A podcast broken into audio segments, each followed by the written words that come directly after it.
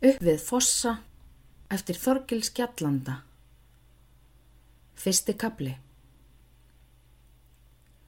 Brandur á Efrafossi hafði tekið jörðina að erfð, vel húsaðan bæ og margt gangandi fjö. Svo heimurinn virtist láta honum í besta lægi. Og margur jafnaldri hans leitt laungum öfundar augum til erðafjárins.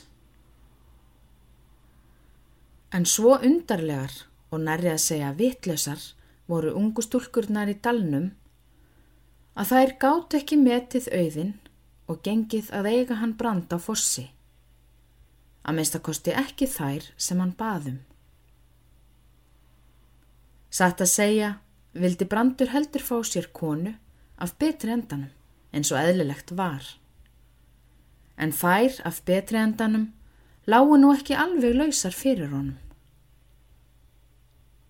Allt í einu var hann þó svo heppin að ná í hamingjuhjólið og höndla hnossið. Þegar Brandur var 29 ára gamall, kvongaðist hann. Engin þurfti að bregða Brandi um að hann hefði gengist fyrir auð eða virðingu, en hitt var satt að konan var ung og hafði mörgum öðrum þótt hún lagleg og skemmtileg. Svo aftur varð ungumennunum í dalnum að líta löngum augum upp eftir til hans brands á fossi. En brandur vissi ekkert um það. Hann var gleði drukkin þess að fáu daga tilhugalífisins. Hafi aldrei fyrir alvuru þótt væntum efnin fyrir en þá. Þegar hann gætt tekið grói frá fátækt og þröngum kosti, og sett hann á bekk með bestu húsfreyjónum í dalnum.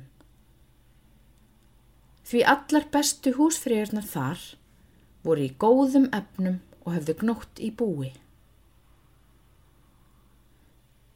Brandur hafði alla jafna þessi fjögur árin sem hann reið sjálfur fyrir búi, fundið til þess að góð kona myndi auka unað og gæfu.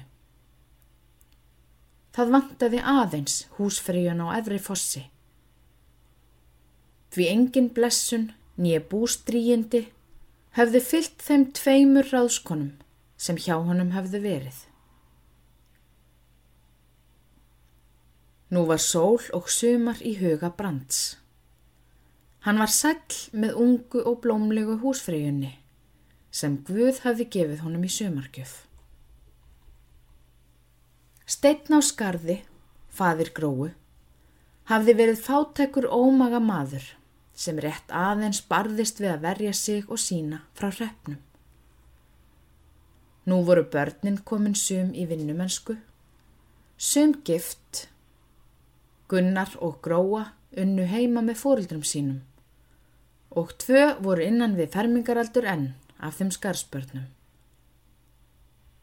Svona var heimilishagurinn á skarði þegar brandur vakti til um bónorðið. Það var ekki undarlegt þó heldur glannaði yfir steinikarlinum þá og vonar bjarma brygði fyrir á andliti gömlu ragnheðar.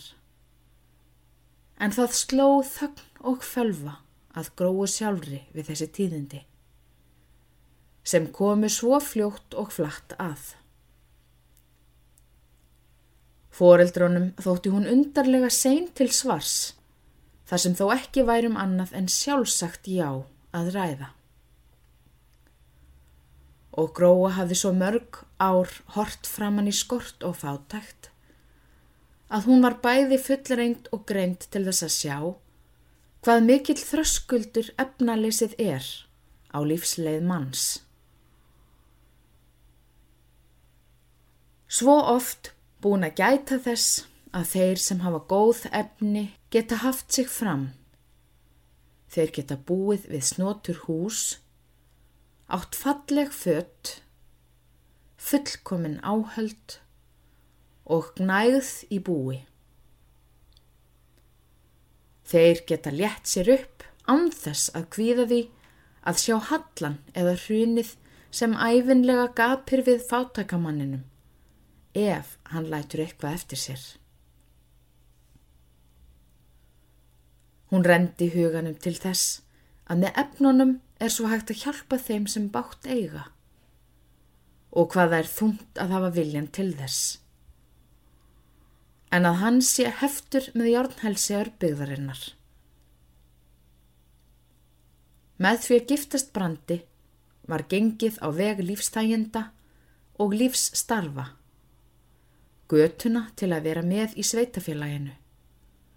Þurf ekki allan ársringin að berjast við skortin með hnúum og hnefum. En hún fann líka að það var örðugt að kvíla í faðmi brands á fossi. Eins ástlaus og köld og hún var gagvart honum. Hann gekk ekki í augun á henni, þó hún væri af þessum endanum og þó hann væri kvorki ljótur nýja heimskur. Þó hann væri kvatur og ötull til hvers sem hann tók. Hann vantaði þá hæfileika sem gáttu snortið strengin eða strengina í hjarta hennar. Í augum gróu voru ástæðurnar álitlegar en um brand þóld hún ekki að hugsa. Um brand sem eiginmann. Það var svo nötrulegt og óindislegt. En eftir nákvæma umhugsun fór hann eftir ráðum fóreldra sinna. Let þau ráða og giftist brandi. Það var ekki svo mikill aldursmunur á 29 ára gamlum bonda og 19 ára konu. En þegar auður og völd fylgja þessum 29 ára gamla bonda, sínast skilirðin benda til þess að hann þurfi naumast að óttast fyrir að geta ekki ráðið að sínum hluta. Líkurnar benda til að hann verði húsbóndi á sínu heimili, hafi töglin og hagldyrnar bæði utanbæjar og innan.